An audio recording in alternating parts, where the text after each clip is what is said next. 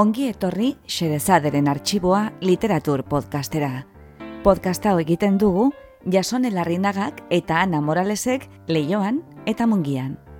Guk bezala, zuk ere uste baduzu, munduan gauza gutxi direla ainatseginak nola ipuinon bat patxada zentzutea, gera zaitez gurekin, eta prestatu munduko kontakizunik bikainenak euskaraz entzuteko.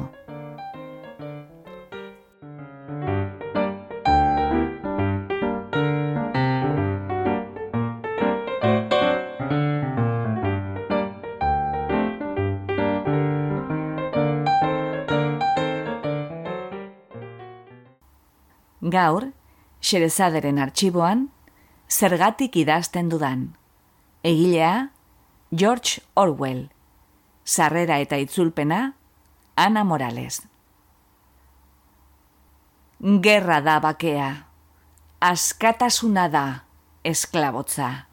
Eta etxakintasuna da, indarra. Anaia nagusiak, zaindu egiten zaitu. Ezagun egiten zaizkizu esaldi horiek? Orduan, badakizun orden gure gaurko konbidatua. Edo agian ez dakizu. Baina gure mundua hartzen ari den tankera ilunarekin, apika horien antzeko esaldiak entzun dizkiozu baten bati, asmo deskriptibo utzez. Gaur, xerezaderen arxiboan, George Orwell dugu gonbidatu. Hasierako esaldi horiek agertzen diren distopia famatua, mila beratzen eta larogeita lau, idatzi zuen autorea. Novela horri zor zaio, Orwelliar adjektiboa, estatu totalitarioen kontrol mekanismoak karakterizatzeko erabiltzen dena. Ingelesa zen George Orwell, baina etzen jaio ez ingalaterran, ez izen horrekin. Idazlea izan aurretik, Eric Blair zuen izena, eta Imperio Britainiarraren mendeko Indian jaio zen mila beratzen eta iruan. Ironikoki, bihar izeneko estatu batean, bide batez esan da. Goi mailako eta diru gutxiko familia batekoa, polizia jardun zuen zei urtez Britainiarren menpeko Birmanian, eta esperientzia horrek, imperialismoarekiko iguina irakatsi zion eta errudun sentimendu utzi. Birmaniako egonaldiak, gainera, pobreziaren konsientziare piztu zion. Eta erresuma batura bueltan, erabaki zuen injustizia soziala zidatzi behar zuela. Eta horretarako, pobrezia lehen eskutik ezagutu behar zuela. Beraz, izen aldatu zuen, P.S. Norton bihurtu zen, eta auzo pobreetan jarri zen bizitzen, be mailako lanak hartuz, Londresen lehenago eta gero Parisen. Urte haietako esperientziak biliburutan jaso zituen, The Spike eta Down and Out in Paris and London. Mila beratzen eta hogeta maseian, Ingalaterrako iparraldeko pobreen bizi baldintzan ikertzen hasi zen liburu baterako, gero The Road to Wigan Pier izango zena. Eta horrek, gobernuko espioitza zerbitzuen jomuga bihurtu zuen ama bihurtez. Mila beratzeon eta hogeta maseian Espainiako Gerra Zibila piztu zenean, Orwell fatxismoaren kontra eta Espainiako Errepublikaren alde borrokatzera abiatu zen, nazioarteko brigadetan sartzeko asmoarekin. Hande gutxira, Aileen osok nezi bere maztea ere joan zen Espainara, bulegoko lanetarako voluntario. Espainara bidean zijoala, Orwellek Henry Millerrekin afaldu omen zuen Parisen, eta Millerrek ez zuen asko animatu, esan nahi baitzion, erabakiura, konsientziak eraginda fatxismoaren kontra borrokatzera joatea, alegia, txorrada galanta zela. Espainiako gerra zibilean, Orwell POM alderdian sartu zen, Partido Obrero de Unificación Marxista delakoan. Errepublikaren aldeko alderdien artean gatazkak sortu zirenean, alderdi komunistak POM alderdiaren kontrako difamazio kanpaina bati ekin zion, fatxismoaren aliatua izatea leporatuz. Hori traumatikoa izan zen Orwellentzat. Horretaz, eta Espainiako gerra zibilean, bereziki Katalunian, bizi izandakoaz idatzi zuen Homage to Catalonia liburua. Omenaldia Kataluniari. Lubaki baten atzean zegoela, Orwellek bala bat jaso zuen ez eta ospitaleratu behar izan zuten. Azkenean emaztea eta bera ingalaterrara itzuli ziren, eta espioitzaren eta goi traizioaren epaitegiak absentzian epaitu zituen Orwelldarrak, pomeko beste kide batzuekin batera, troskista amorratuak izatea leporatuta. Ingalaterrara bueltan, lasterasi zen bigarren mundu gerra. Orwell, osasunez makalik birikietako gaitzaz, zerbitzurako ez gai deklaratu zuten, baina Homeguard delakoarekin kolaboratzen hasi zen. Homeguard defentsarako milizia zibil batzen, armada regularrean onartuak izan ez ziren voluntarioek osatua, nazien inbazio bat gertatu eskero, armadari kalean laguntzeko helburua zuena. Urte horietan, Orwell bat periodiko eta aldizkaritarako idazten hasi zen, batez ere liburuen iruzkin kritikoak eta artikulo politikoak, eta bebezeren kultur programazioan kolaboratzen hasi zen. Mila bederatzeun eta berrogeta zeian, abereen etxaldean novela argitaratu zuen, estalinismoaren satira alegorikoa, eta handik irurtera, bere libururik ezagunena, mila bedatzeun eta larogeta lau novela distopikoa. Hizkuntzaren kontrolaren bidez, gizartea kontrolatzen duen estatu totalitario algustiduna irudikatzen duena. Bi novelok ikaragarrizko arrakasta izan zuten, batez ere bigarrenak, eta kultura popularera igaro diren termino asko utzi dizkigu. Newspeak, eoizketa berria, anai handia, pentsamenduaren polizia, eta bar. Liburu biok euskeraz ditugu, abereen etxaldea, Juan Martin Elespuruk euskaratua, eta elkarren argitaratua, eta mila beratzion eta larogeta lau, Oskar Aranak itzulia eta txalapartan argitaratua. Urte askoan, birikietako gaixotasunagatik makaraldi ugari izan eta gero, George Orwell mila beratzion eta berrogeita bederatzean hiltzen, berrogeita zei urterekin. Bebeseko Londresko egoitzaren aurrean, haren eskultura bat dago, zigarro bat eskoan. Zer nahi dute poetek? Zer bilatzen dute idazleek idaztean? Kaldera horri emandako erantzun famatunetako bat, Horazio poeta latinoarena izan zen, prodese autelektare esan zuen ark. Normalean itzultzen dena irakatsi eta atsegin ematea, edo onura eta atsegina ematea, alegia zerbait probetsugarria eta aldi berean gozagarria sortzea. Egia esan, oraziok prodese aut delektare idatzi zuen, ez prodese et delektare autori edo juntagailoaren parekoa da, eta beraz ambigo xamarra, espaitago argi lotzen dituen gauza biak implikatzen dituen, ala alternatibak proposatzen ari den, hau da, bietako bat.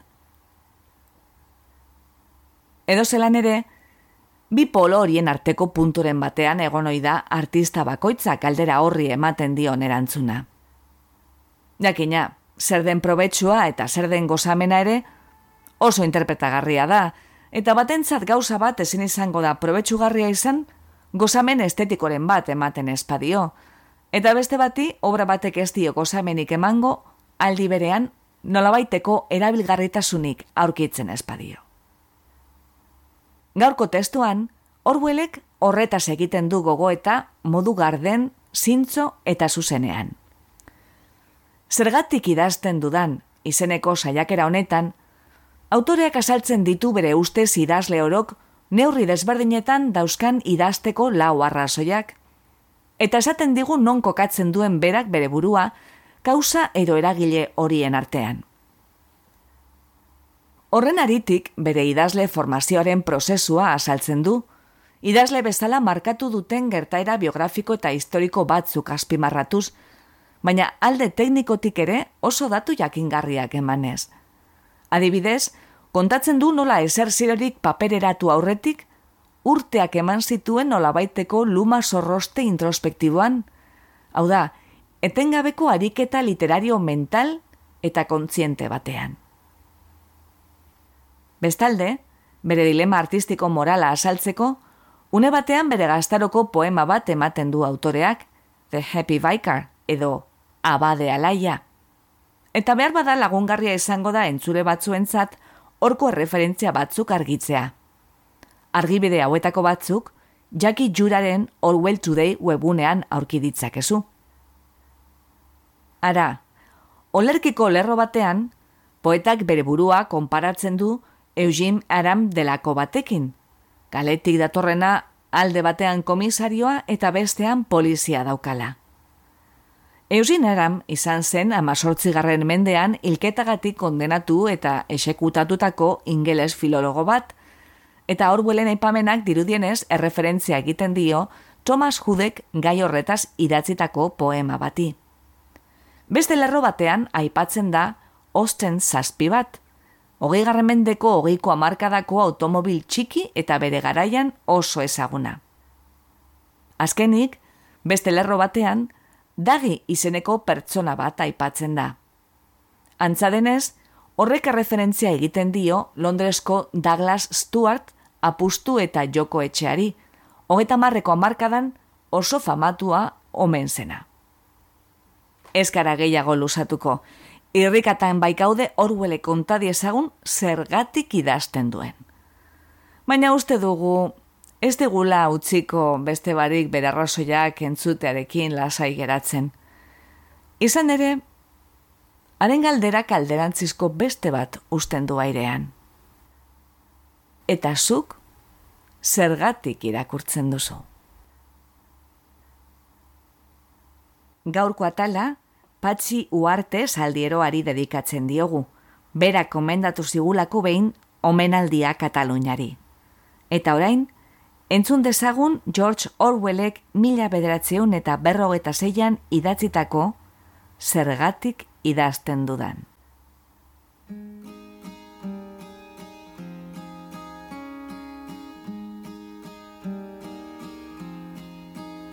Oso umetatik, bost edo zei urte nituenetik agian, banekien handitan idazlea izango nintzela. Amazazpi eta hogeita lau urte bitartean, ideia hori baztertzen saiatu nintzen, baina jakinda nire benetako izatearen kontra jotzen ari nintzela, eta lehenago edo geroago, liburuak idazten jarri beharko nintzela.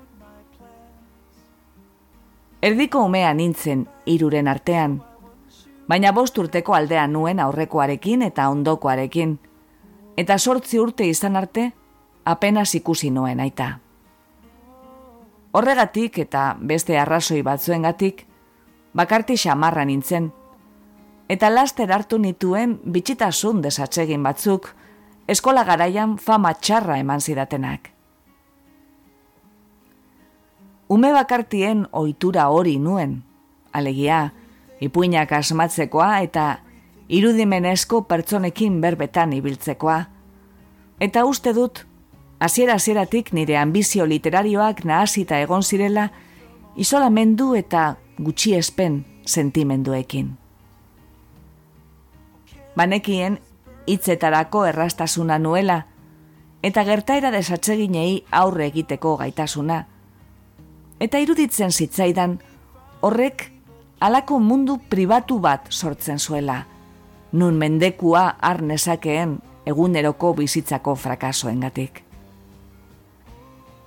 Hala ere, haurtzaro eta nerabezaro osoan sortu nuen idazketa lan serioa, hau da, asmo serioa segindakoa, etzen helduko dozena erdi bat horritara. Lauspa bost urterekin idatzi nuen lehen poema, amari diktatuta. ez dute zer gogoratzen, espada tigre bati buruzkoa zela eta tigreak aulkien moduko hortzak zituela. Naiko esapide ona, baina esango nuke poema Blakeen tigrea, tigrea, poemaren plagioa zela. Amaika urterekin, mila bedatzeon eta malau amazortziko gerra piztu zenean, poema abertzale bat idatzi nuen, herriko egunkarian argitaratu zena. Handik bi urtera beste bat argitaratu zidaten legez, kitxenarren eriotzaren ingurukoa. Noizetik noizera, nagusi xago nintzela, natura poema txar eta sarritan amaitu gabeak idazten dituen estilo georgiarrean. Hori da urte haietan guztietan, papereratzera heldu nintzen asmo serioko lan guztia.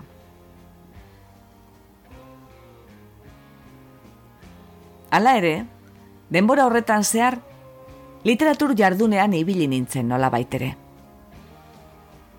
Azteko, eskatu ala sortzen nuen materiala zegoen. Askar, erraz, eta plazer handirik gabe ekoizten nuena. Eskolako lanetatik aparte, verz dokazion direlakoak idazten dituen. Poema sasi komikoak, orain txundigarria iruditzen zaidan abiadan sortzen dituenak. Amala urterekin, aste betean edo, antzerki lan bat idatzi nuen bertzotan, Aristofanesen imitazioan. Eta eskolako aldizkariak zuzentzen laguntzen nuen, bai eskus eginak eta bai imprimatuak. Aldizkari haiek pentsaliteken esperpentorik penagarrien ziren. Eta gaur egun kasetaritzarik merkeenari emango neoken arreta baino askoz gutxiago ematenien. Baina horrekin guztiarekin batera, amabost urtez edo luzeago, oso literatura ariketa bestelako batean jardun nuen neure buruari buruzko etengabeko kontakizun bat asmatzen. Nere gogoan beste inon existitzen etzen eguneroko moduko bat. Uste dut hori ohitura arrunta dela umeetan erabengan. Oso txikia nintzela, imaginatu oinuen esaterako Robin Hood nintzela, eta abentura kitzikagarrietako protagonista nintzela – Baina laster, nire kontakizunak, gordinki narzisista izateari utzi zion, eta gero eta gehiago bihurtu zen, egiten enbilenaren eta ikusten ari nintzen gauzen deskribapen bat. Minutuak ematen nituen, buruan onelako gauzak nerabiltzala. Atea bultzatu eta gelan sartu zen eguzki izpi hori batek, muselin asko gortinetatik iragazirik, zeharka jotzen zuen maian. Non pospolo kutsa bat zegoen erdi irekita, tinta ontziaren ondoan. Eskumako eskua poltsikoan zuela, gela zeharkatu zuen lehioraino. Kalean, katu nabar bat, horbel bati segika zebilen eta bar, eta bar. Oitura horrek, hogeita bost urtetara arte iraun zidan, nire urte ez literarioetan zehar. Itze egokiak bilatu behar eta bilatu egiten banituen ere, bazirudien ia nire borondotaren kontra egiten nuela deskribatzea alegin hori, kanpotik esarritako bete behar moduko batenpean kontakizunak adin bakoitzean miretzi nituen idazleen estiloak islatuko zituen, pentsatzen dut. Baina gogoratzen dudanez, beti izan zuen deskriptibotasun txorrotxura. Amasei urte inguru nituela, bapatean berba utzen posa deskubritu nuen. Hau da, itzen soinu eta asoziazioena paradisu galduako bertso hauek eta ark nekez eta pena handiz. Jarraitu zuen, nekez eta pena handiz ark. Zein gaur egun, ez baitzaizkit hain zoragarriak iruditzen, bertso horiek otzikarez astintzen zidaten bizkarrezurra. Eta hi hitza, hi bi erekin idatzeta egotea, plazer erantzia zen. Gauzak deskribatzeko premiari dagokionez, ordurako ederto ezagutzen nuen. Beraz, argi dago zenolako liburuak idatzi gura nituen, garai hartan alakorik egin nahi nuela, esaterik baldin badago. Amaiera tristeko novela naturalista alimalekoak idatzi nahi nituen, deskribapen xeez eta konparazio harrigarri ezbeteak, eta pasarte ornatu ezbeteak ere bai, non hitzak neurri batean, soinu utzagatik baliatuko nituen. Eta izan ere, nire lehen novela, egun birmaniarrak, hogeita mar urterekin idatzia, baina askoz lehenago planifikatua, nahikoa hurbiltzen da liburu mota horretara. Informazio hau guztia ematen dut, ez dudalako uste idazle baten motiboak ebaluatu daitezkenik bere astapenetako urratzez zerbait jakin gabe. Bizi den garaiak mugatuko ditu bere gaiak, behintzatala da gurea bezalako nahazmendu eta irautza garaietan. Baina, idazten hasi aurretik ere, eskuratua izango du jarrera emozional bat zeinetatik sekula ez duen guzti ziez egingo.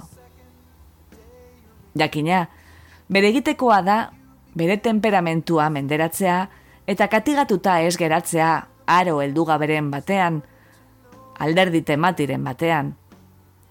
Baina, bere hasierako eraginei erabat iez egiten badie, bere idazteko bulkada hilko du. Bizimodua atera beharra alde batera utzita, nire ustez, lau motibo nagusi daude idazteko. Behintzat, prosa idazteko. Idazle guztien gan existitzen dira neurri desberdinetan, eta toki handiagoa edo txikiagoa hartzen dute idazle bakoitzaren gan denboran zehar, bizi den giroaren arabera. Honako hauek dira. Bat egoismo utza. Beste aurrean, buru argi agertzeko gogua. Jendearen ahotan egotekoa. Ilostean gogoratua izatekoa. Mendekua hartzekoa haurtzaroan erdeinatu zintuzten helduen kontra, eta bar, eta bar. Txotxolokeria da hori idazteko motibo bat estela esatea, eta motibo indartzua gainera. Ezaugarri hori berdin dute idazleek eta zientzialariek, artistek, politikariek, legelariek, soldaduek, negozio gizon arrakastatzuek, labur esan da, gizateriaren gainak eta loreak. Gizakien gehiengo handia, ez da ikaragarri berekoia. Hogeita urteak edo pasatuta, iaia bertan bera usten dute batere norbanakoak izatearen ideia. Eta gehien bat, beste entzat bizi dira, edo monotoniaren pean itzaltzen dira, beste barik. Baina, bada jende talentu dun eta zetatzuaren gutxiengo bat, deliberatuta dagoena bere bizitza amaier arte bizitzeko. Eta idazleak talde horretakoak dira. Idazle serioak, esango nuke, Oroar bururitziagoak eta egozentrikoagoak dira kasetaria paino. Dirua, hainbeste axolaz pasai ere. Bi. Grina estetikoa. Kanpoko munduaren edertasunaren pertsepzioa, edo bestalde, hitzena eta haien antolamendu egokiarena. Soinu batek beste batean sortzen duen eraginaren plazera, prosa honaren sendotasunarena edo ipuin on baten erritmoarena. Norberak balioskotzat eta ez galtzekotzat jotzen dituen esperientziak partekatzeko desira. Idazle askorengan motibo estetikoa oso aula da, baina panfletista batek edo testeliburu idazle batek ere izaten ditu berba eta esapide kutunak, arrazoi ez utilitarioengatik erakargarri zaizkionak. Edo iritzi irmoak izan ditzake tipografiaz, marginen zabaleraz, eta bar. Trenen ordutegietatik ora, ez dago libururik, konsiderazio estetikorik bat ere ez daukanik. Iru. Bulkada historikoa. Gauzak diren bezala ikusteko naia. Egiazko datuak aurkitu eta gordetzekoa. Posteridaderako. Lau. Elburu politikoa. Politikoa, zentzurik zabalenean erabilita. Mundua norabide jakin batean bultzatzeko desira. Jendearen pentsaera aldatzekoa, zein gizarte motaren alde borrokatu beharko litzatekeen erabakitzeko orduan. Berriz ere, ez dago libururik, zinez joera politikorik ez duenik. Arteak politikarekin zerikusirik izan behar ez duelako iritzia bera ere, jarrera politiko bat da. Ikusten da nola bulkada desberdin hauek gerra egin behar dioten elkarri, eta gora edo bera joan behar diren pertsonatik pertsonara eta garaitik garaira. Izatez, izatez diodanean, elduaroaren astapeneko egoera sari naiz, ni naiz lehenengo hiru motiboak laugarrenari gailenduko litzaizkioken pertsona mota garaibaketsu batean, liburu apaindu eta deskriptibo utsak idatz nitzakeen. Eta gian ia oarkabean joango zitzezkidan nire leialtasun politikoak. Gauzak diren bezala, behartuta egon naiz halako panfletista bat bihurtzera. Lendabizi, bosturte eman nituen lanbide desegoki batean, Indiako polizia imperialean, Birmanian, eta gero, pobrezia eta frakaso sentimendua pairatu nituen. Horrek areagotu egin zidan aginteari berez diodan iguina, eta lehenengo aldiz oartarazi ninduen bete-betean langile klaseen existentziaz. Eta Birmaniako lanak erakutzia zidan pixka bat zertan den imperialismoa. Baina esperientzia horiek ez ziren nahikoa izan niri joera politiko zehatz bat emateko. Orduan, Hitler etorri zen. Espainiako gerra zibila eta bar. Mila beratzeun eta hoeta mabostaren amaieran, artean enuen lortu erabaki zendo bat hartzea. Gogoan dut sasoi hartan idatzi nuen poematxo bat, nire dilema asaltzen zuena.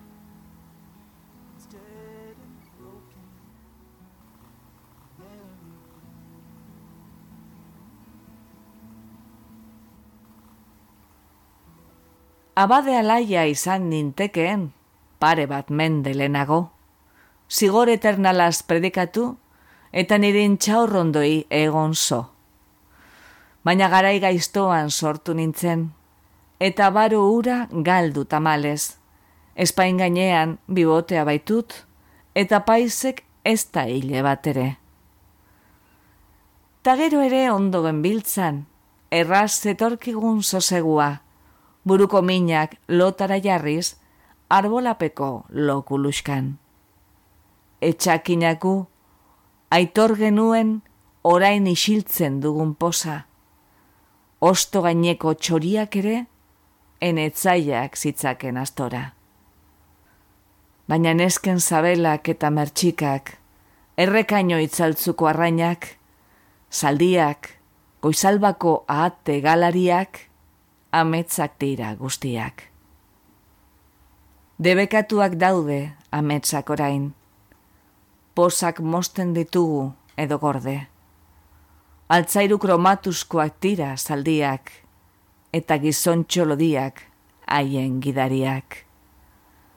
Tximeleta bihurtu etzen arra naiz, aremi gabeko eunuko. Albo batean apaisa, komisarioa bestean, erdian ni, eusim ara menantzeko eta komisarioa nire geroa esaten dabil, irratiak jotzen duen artean. Baina paizak agentu dit osten zazpi bat, dagik ondor daintzen du eta. Marmolesko jauregi ez egin nuen amets, eta esnatzean egia zela oartu. Ez nintzen jaio aronetarako. Eta Smith, eta Jones, eta zu.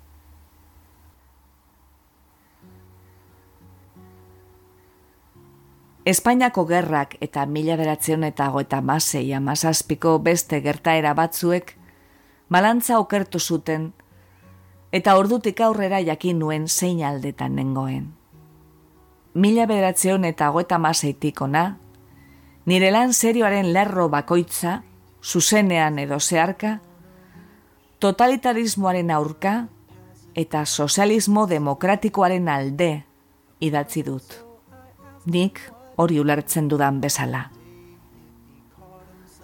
Zentzubako keria iruditzen zait pentsatzea, gurea bezalako garai batean badagoela gai hori eta zezidazterik. Mundu guztiak idazten du aietaz, modu batean edo bestean.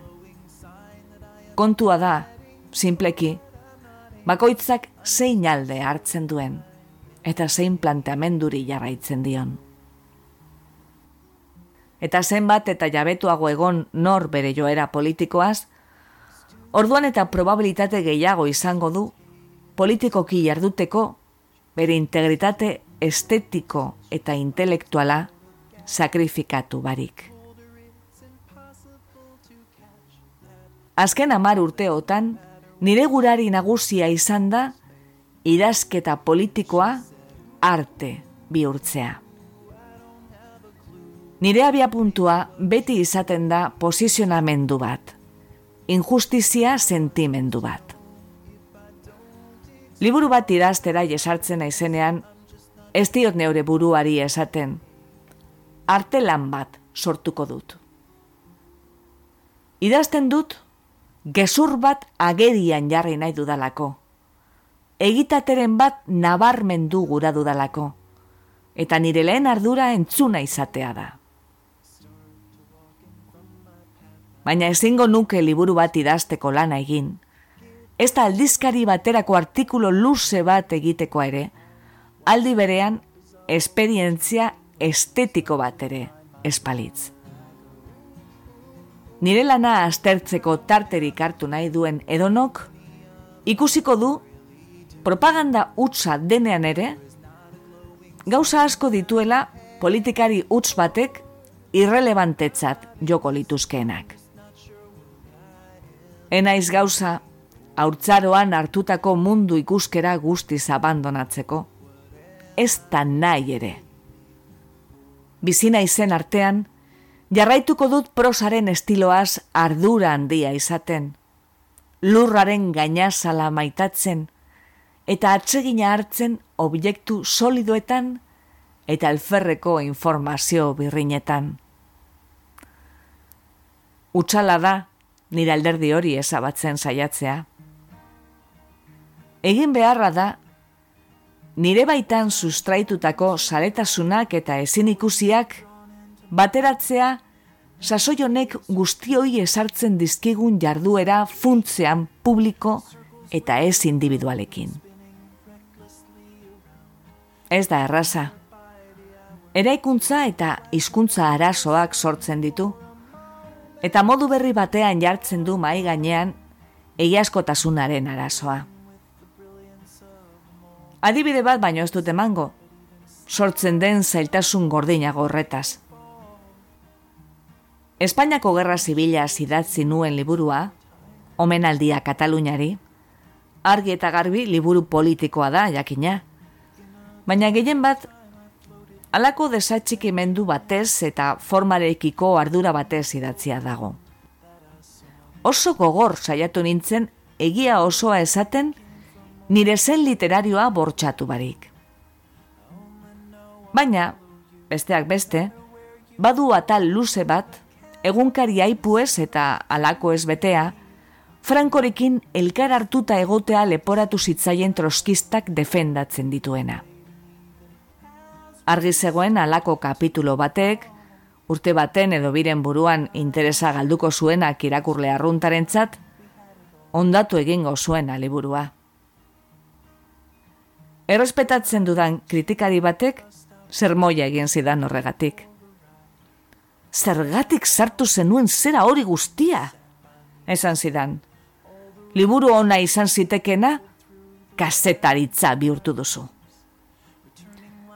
Egia zen zioena, baina ezin izango nuen bestela egin. Kontua zen, nik banekiela ingalaterrako oso jende gutxik jakin zezakena. Alegia, gizon errugabeak faltzuki akusatuak izaten ari zirela aserre egon espanintzorregatik, enuken liburua sekula idatziko.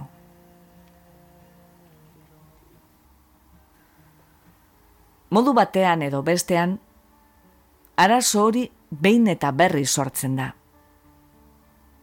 Hizkuntzaren arazoa sotilagoa da eta gehiegi lusatu beharko nintzateke hemen azaltzeko.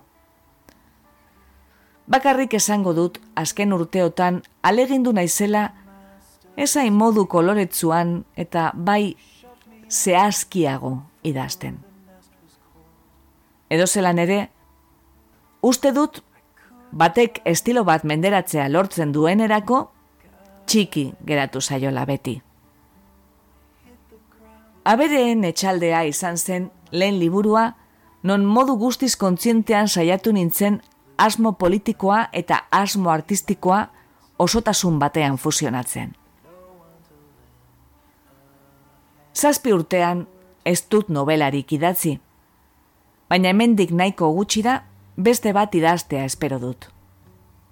Frakasora kondenatua dago. Liburu oro da frakaso bat. Baina, aski argi daukat, nolako liburua idatzi gura dudan.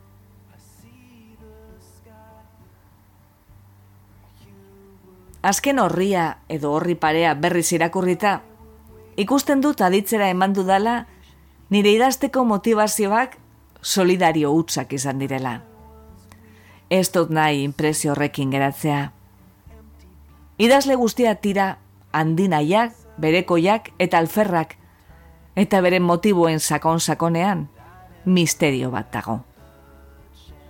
Liburu bat idaztea, borroka latz akegarria da. Gaixotasun mingarri baten aldi luze baten antzekoa. Bateke luke alako gauza bat gainean hartuko, baldin eta horretara bultzatuko espalu, berak ez zulertu ez menderatu ezin duen demonio batek. Nik dakidala, demonio hori da umetxoa arreta eske intzirika jartzen duen zen hori bera. Eta hala ere, era berean egia da batek ezin duela ezer irakurgarririk idatzi, espadabil etengabeko borrokan bere nortasuna ezabatzeko. Prosa ona, leio baten kristala bezalakoa da. Ezin dut ziur esan zein den nigan motiborik indartzuena, baina badakit zeinek merezi duen kaso egitea. Eta nire lanari atzera begiratuta, ikusten dut helburu politikoa falta izan nuenean idatzi nituela beti liburu bizigabeak. Eta orduan traizionatu nuela nire burua pasarte ornatuetan, esangurarik gabeko esaldietan, adjektibo apaingarrietan, eta oroar txotxolo kerietan. Entzun duzu, zergatik idazten dudan. Egilea, George Orwell. Sarrera eta itzulpena, Ana Morales.